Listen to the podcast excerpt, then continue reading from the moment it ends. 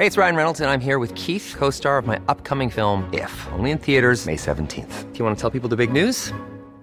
All right, I'll do it. Sign up now and you'll get unlimited for $15 a month in six months of Paramount Plus Essential Plan on us. Mintmobile.com slash switch.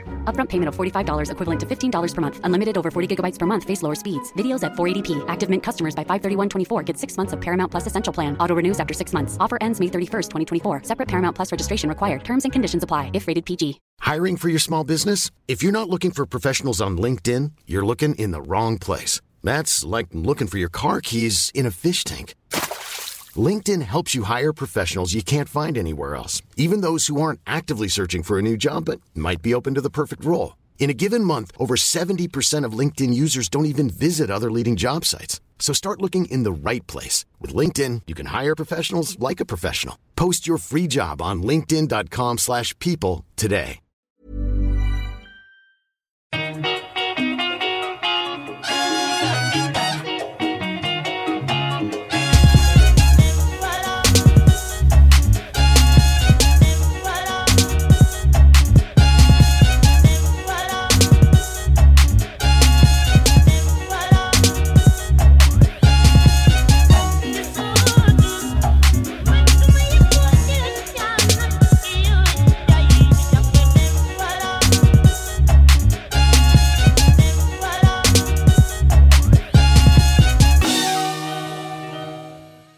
Du lyssnar på Svart historia, podden som tar upp de intressanta historiska skeenden, individer, rörelser och händelser som traditionellt har fått lite utrymme i våra historieböcker. Mitt namn är Amat Levin. Jag är journalist och författare och jag ägnar mycket av min tid åt att lyfta svarta människors historia. Det finns massor av anledningar till det. Den främsta är nog att svarta människors historia, åtminstone här i väst, traditionellt har varit undantryckt och ansetts vara obetydlig det vill jag hjälpa till att ändra på. Dagens avsnitt berör vad jag tycker är en av de mest fascinerande händelserna i historien. I berättelsen förekommer både obegriplig ondska, otroligt mod och inspirerande motstånd. Genom att förstå den här berättelsen förstår man också mer om varför saker ser ut som de gör idag. Hur kan exempelvis två karibiska grannländer, som dessutom delar en ö, ha så enormt skilda förutsättningar? Hur kan det på ena sidan gränsen finnas välstånd, investeringar och framtidstro medan det på den andra mest pratas om förfall, fattigdom och lidande? Många av svaren finns här. Avsnittet handlar om koloniseringen av den här karibiska ön och det särskilt brutala slaveriet som följde. Men också om revolten som utmynnade i skapandet av det som brukar kallas för världens första svarta republik, Haiti.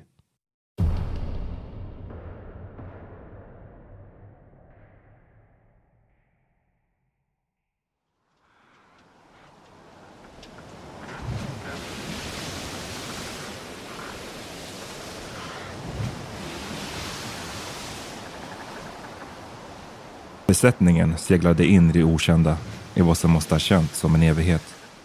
I alla väderstreck fortsatte havet ända till horisonten. Här fanns ingen kustremsa, inga landmärken att orientera sig efter. Men så plötsligt skymtades land, det vi idag kallar för Bahamas.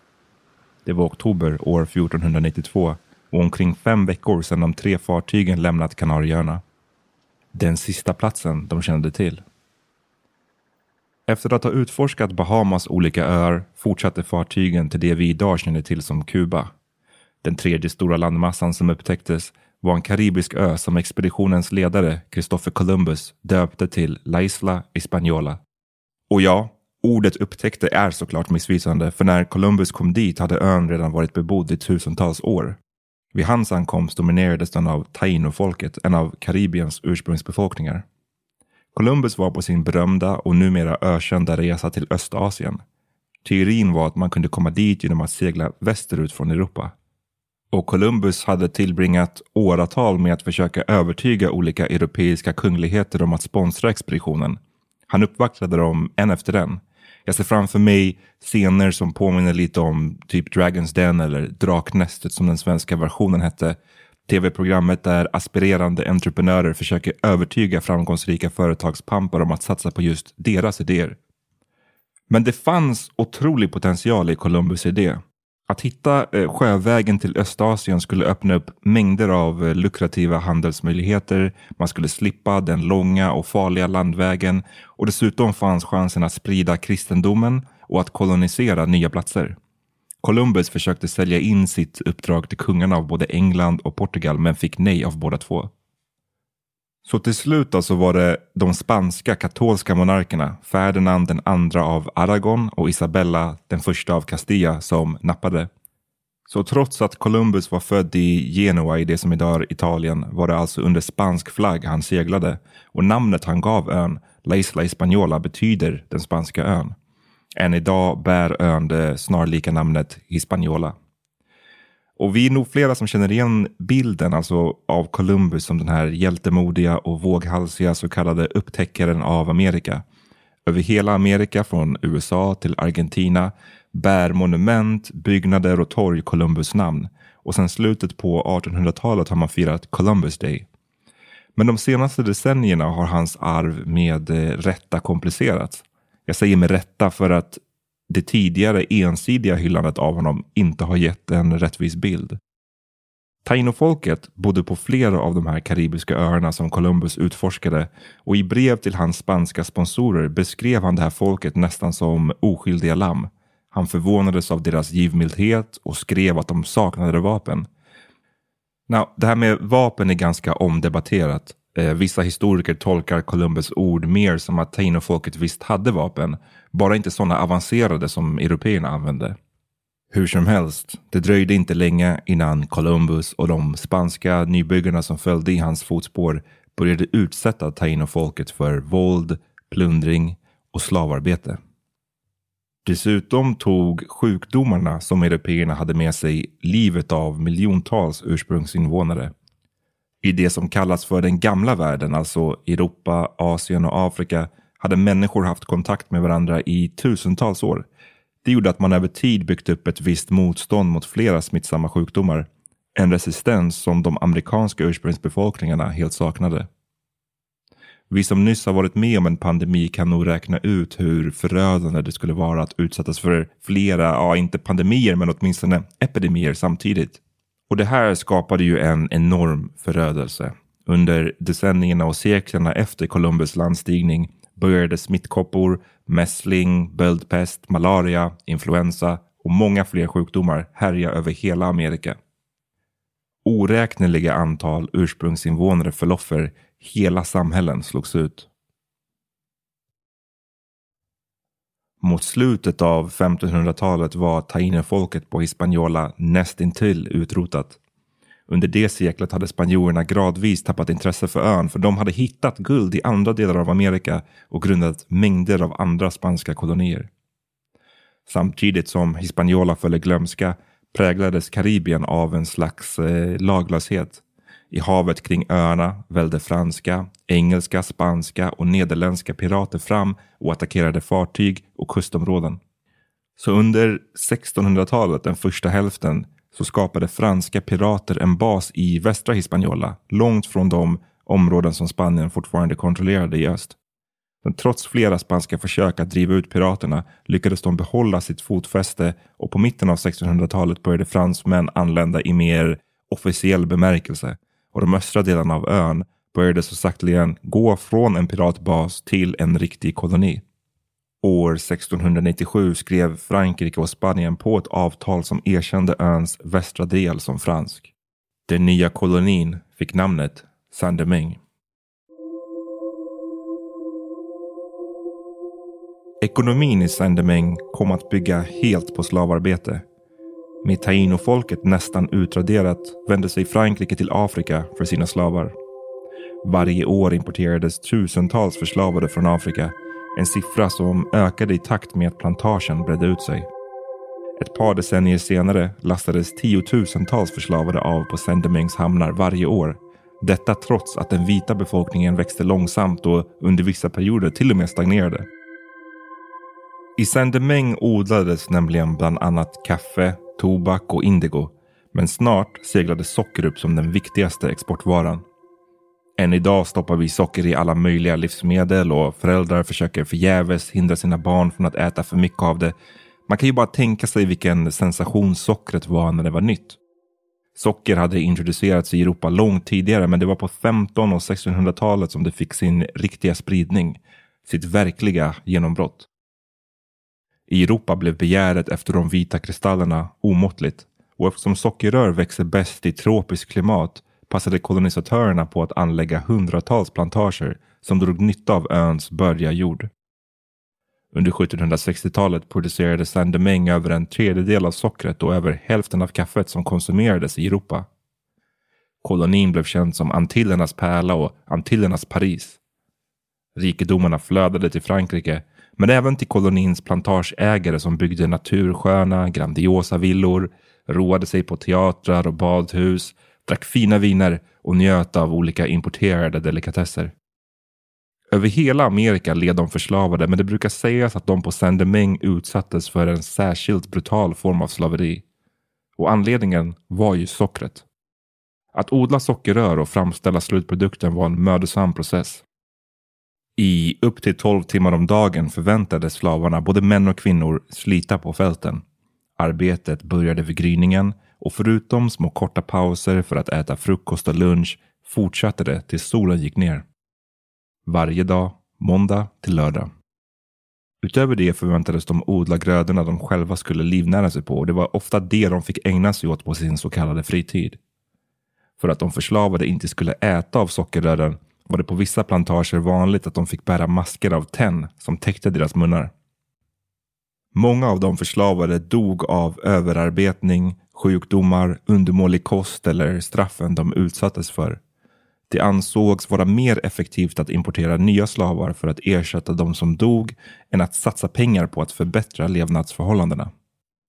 Så det kommer väl knappast som en överraskning att eh, livslängden för de förslavade blev väldigt kort.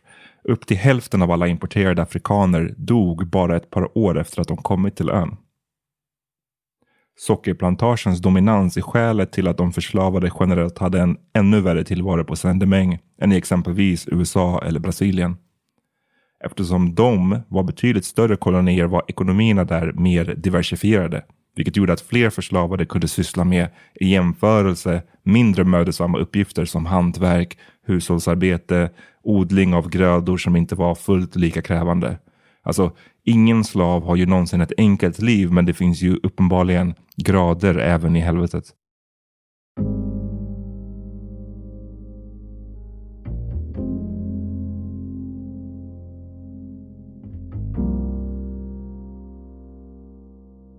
Redan 1685 hade den franska kungen Ludvig den XIV introducerat Code Noir i landets kolonier. Ungefär den svarta koden eller den svarta lagen. Det var ett regelverk som bland annat dikterade slavars skyldigheter och rättigheter. Exempelvis var de förslavade skyldiga att konvertera till katolicismen.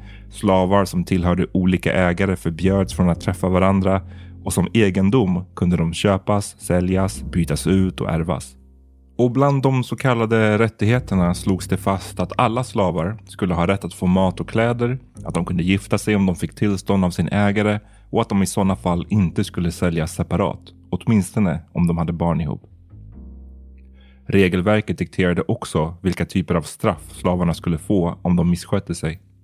En som rymt från plantagen och hållit sig borta i en månad fick till exempel sina öron avskurna och brännmärktes medan två månaders flykt resulterade i avhuggna hälsenor. Att slå sin ägare gav dödsstraff. Trots att Code Noir slog fast godkända straffmetoder efterföljdes reglerna sällan av slavägarna och överlag finns många vittnesmål om de brutala och påhittiga straffen som utdelades. I ett av sina verk skrev Pompeji Valentin Vesti, dåtida författare från Saint-Domingue, att förslavade kunde begravas levande, bindas fast vid myrstackar och slängas i kärl med kokande sirap. De kunde grävas ner i marken så att bara deras huvuden stack upp och få socker gnuggat i ansiktet för att locka insekter som började äta på dem. Enligt andra skildringar kunde salt, peppar och citron gnuggas i färska sår skapade av piskrapp. Jean-Baptiste de Caradot, en rik plantageägare, roade sina gäster genom att placera en apelsin på en slavs huvud och hålla en tävling om vem som kunde pricka den med en pistol från en distans på 30 fotsteg. Allt det här gjordes för att skrämma de förslavade till lydnad och på så sätt hålla den ekonomiska motorn igång.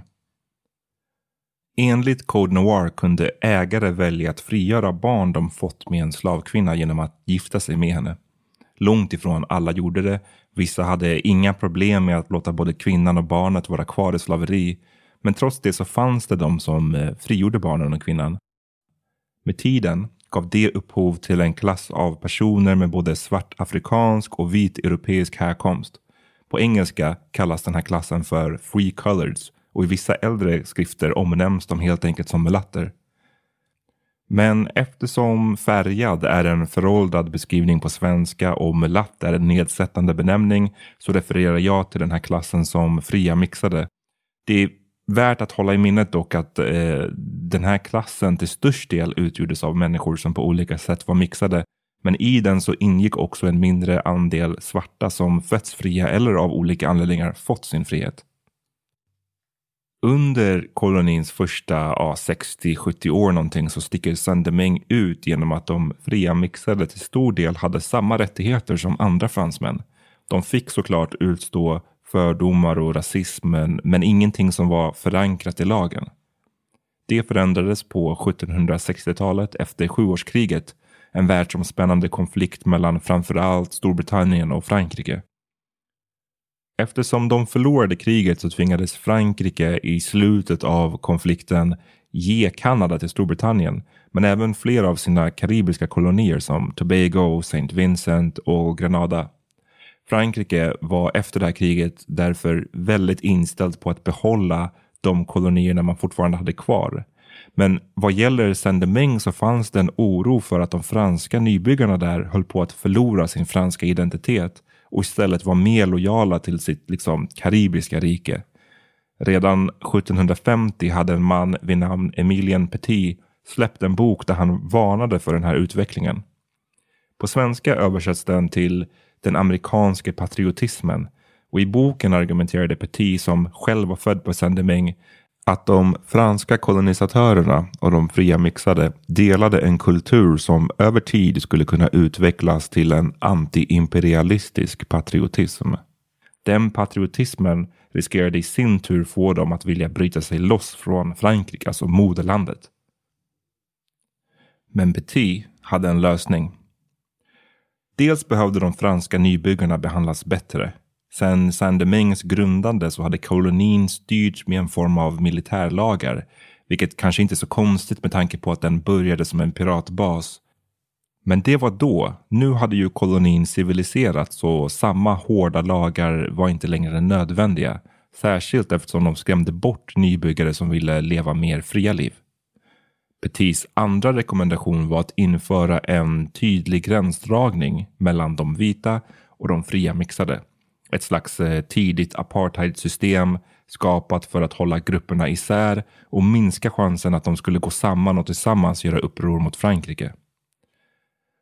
I samband med sjuårskriget så anställdes Petit av Frankrikes koloniala departement och från 1760-talet och framåt infördes flera av hans idéer. De fria mixade förbjöds exempelvis från att ta vissa jobb Regler dikterade vilka kläder de fick ha på sig och vilka sammanhang de fick röra sig och de fick inte kallas ens för herr eller madam. Men trots den här diskrimineringen som de fria mixade utsattes för hade de ju mängder av privilegier i jämförelse med slavarna. Ibland fick de utbildning och hade rätt att äga land. I andra fall blev de själva slavägare. Till och med vissa svarta slavar som av olika anledningar fått sin frihet kunde själva ta slavar om de efter sin frigörelse lyckades ta sig upp i samhället. På Saint-Domingue utvecklades därför snart en väldigt tydlig hierarki. Vita i topp, fria, mixade och frigjorda svarta i mitten och slavarna längst ner.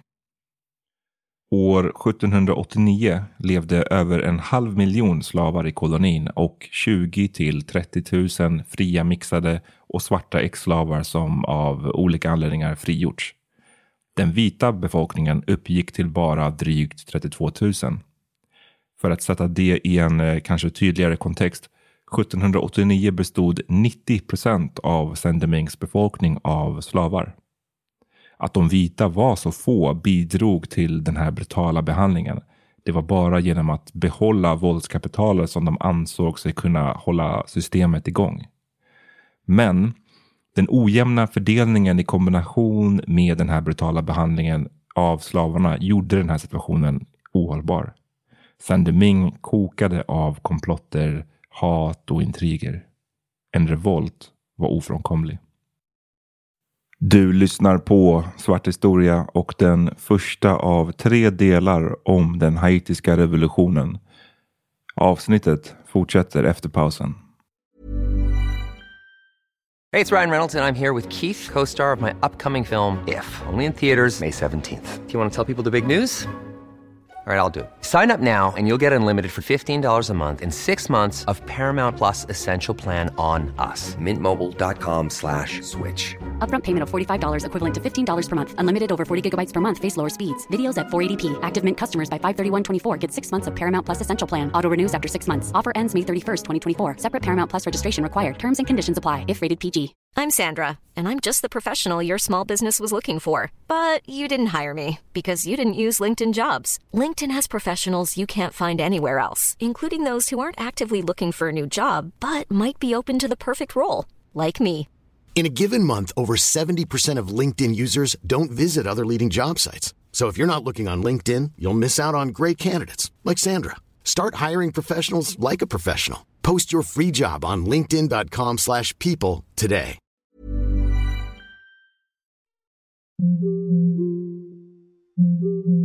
Ungefär samtidigt stod Europa inför en massiv förändring.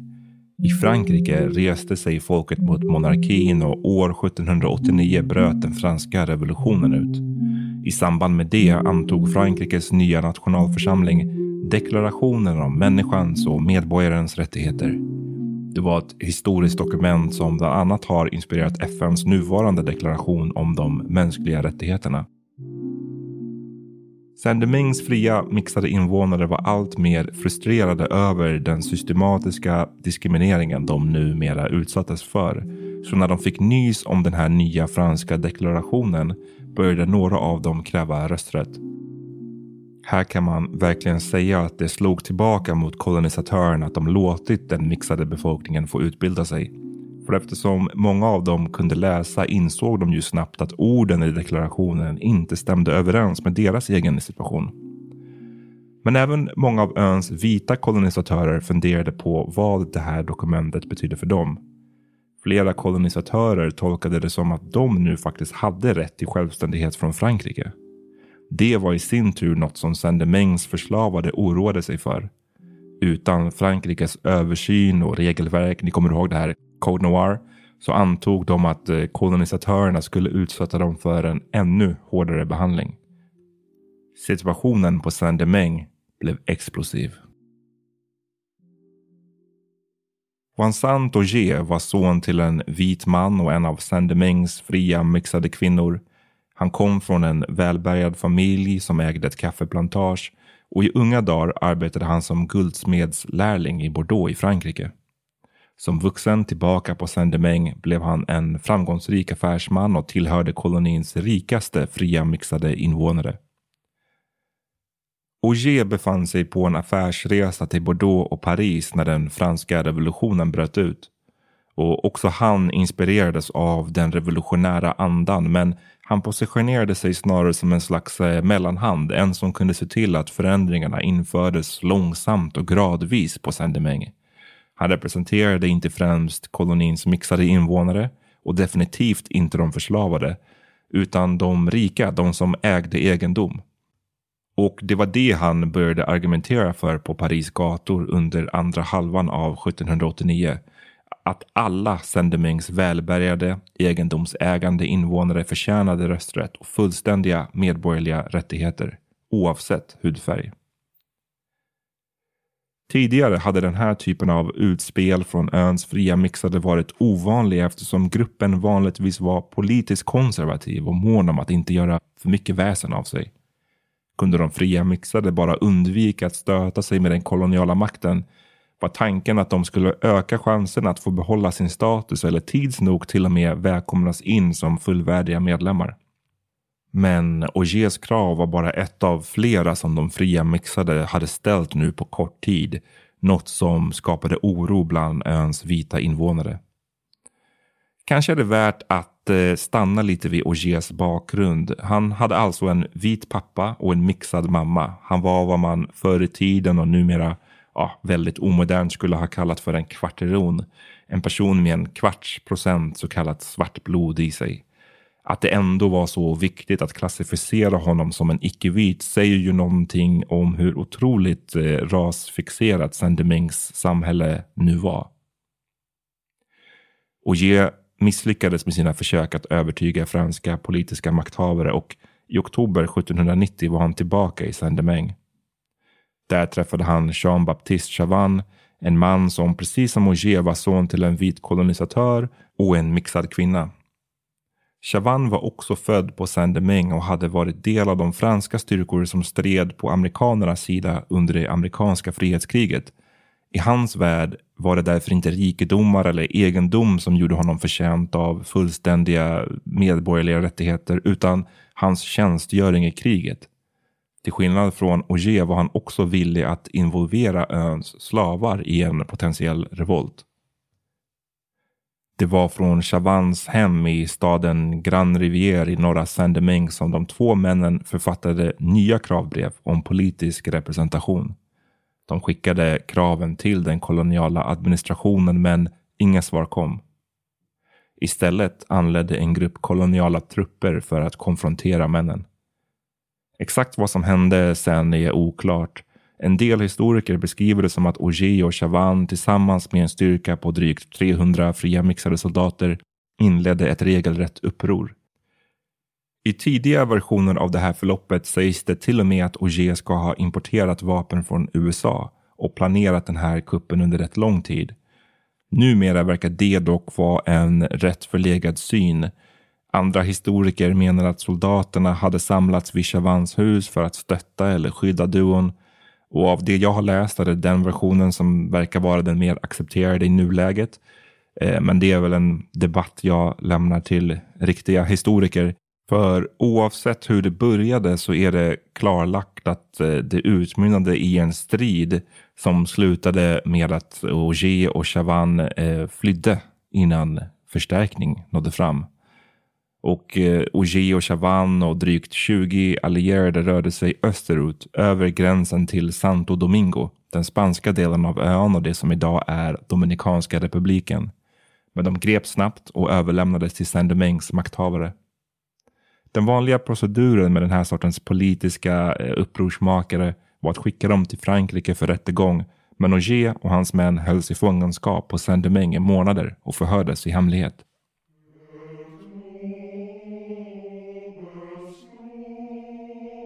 I februari 1791 fördes Ogier och Chavannes till katedralen i Cap Francais i norra Saint-Domingue, kolonins ursprungliga huvudstad. De hade ett rep bundet runt deras halsar och bar på varsitt levande ljus. De tvingades ner på knä, uppmanades att erkänna sina brott och att be om förlåtelse. Sen fördes de ut på torget och leddes upp på en chavott, en eh, sån här upphöjd plattform ämnad för offentliga avrättningar. Där utsattes de för så kallad rådbråkning. Alltså de spändes fast vid varsitt hjul och fick sen sina lemmar krossade en efter en. Allt kulminerade med att de halshöggs. Senare hängdes flera av Ogiers och Chavans allierade. Även om Ogier och Chavan inte hade tänkt frigöra slavarna kan deras motstånd och förnedrande avrättning ses som tillfället då ett uppror inte längre gick att undvika. Frankrike försökte stoppa den här utvecklingen genom att i maj 1791 ge rösträtt till välbärgade, fria, svarta och mixade invånare som fötts av fria föräldrar.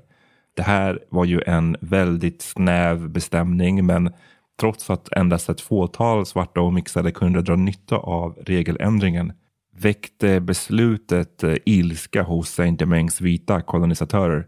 På sina håll bröt till och med beväpnade konflikter ut. Upproret hade smygstartat men den verkliga revolutionen inleddes först när de svarta förslavade öns majoritetsbefolkning gav sig in i striden.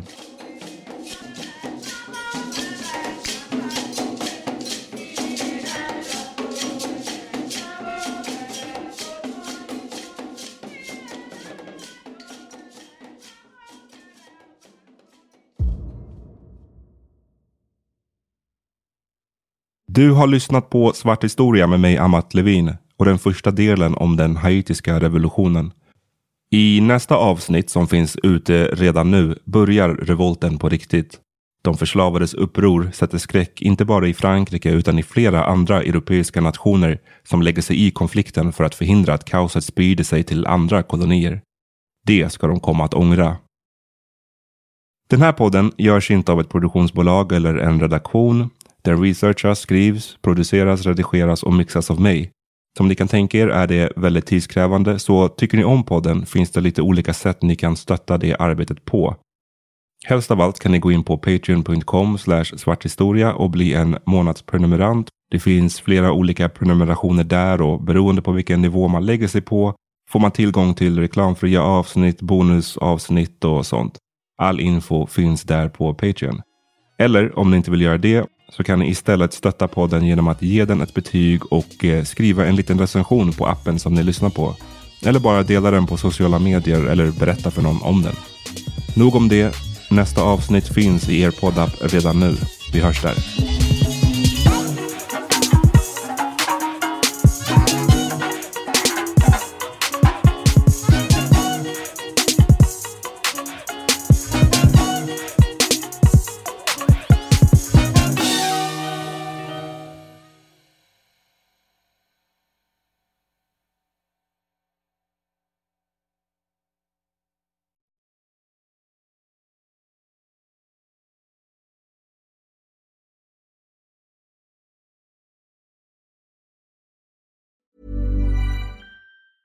Hey, folks, I'm Mark Marin from the WTF Podcast, and this episode is brought to you by Kleenex Ultra Soft Tissues, your ally to help tackle your allergy symptoms this season. I love the change of seasons, but nobody loves pollen and all those other things floating in the air that make you sneeze during this nice weather. Kleenex Ultra Soft Tissues are hypoallergenic and allergist approved, so fight back against watery eyes and runny noses without worrying about irritating your skin. For this allergy season, grab Kleenex and face allergies head on.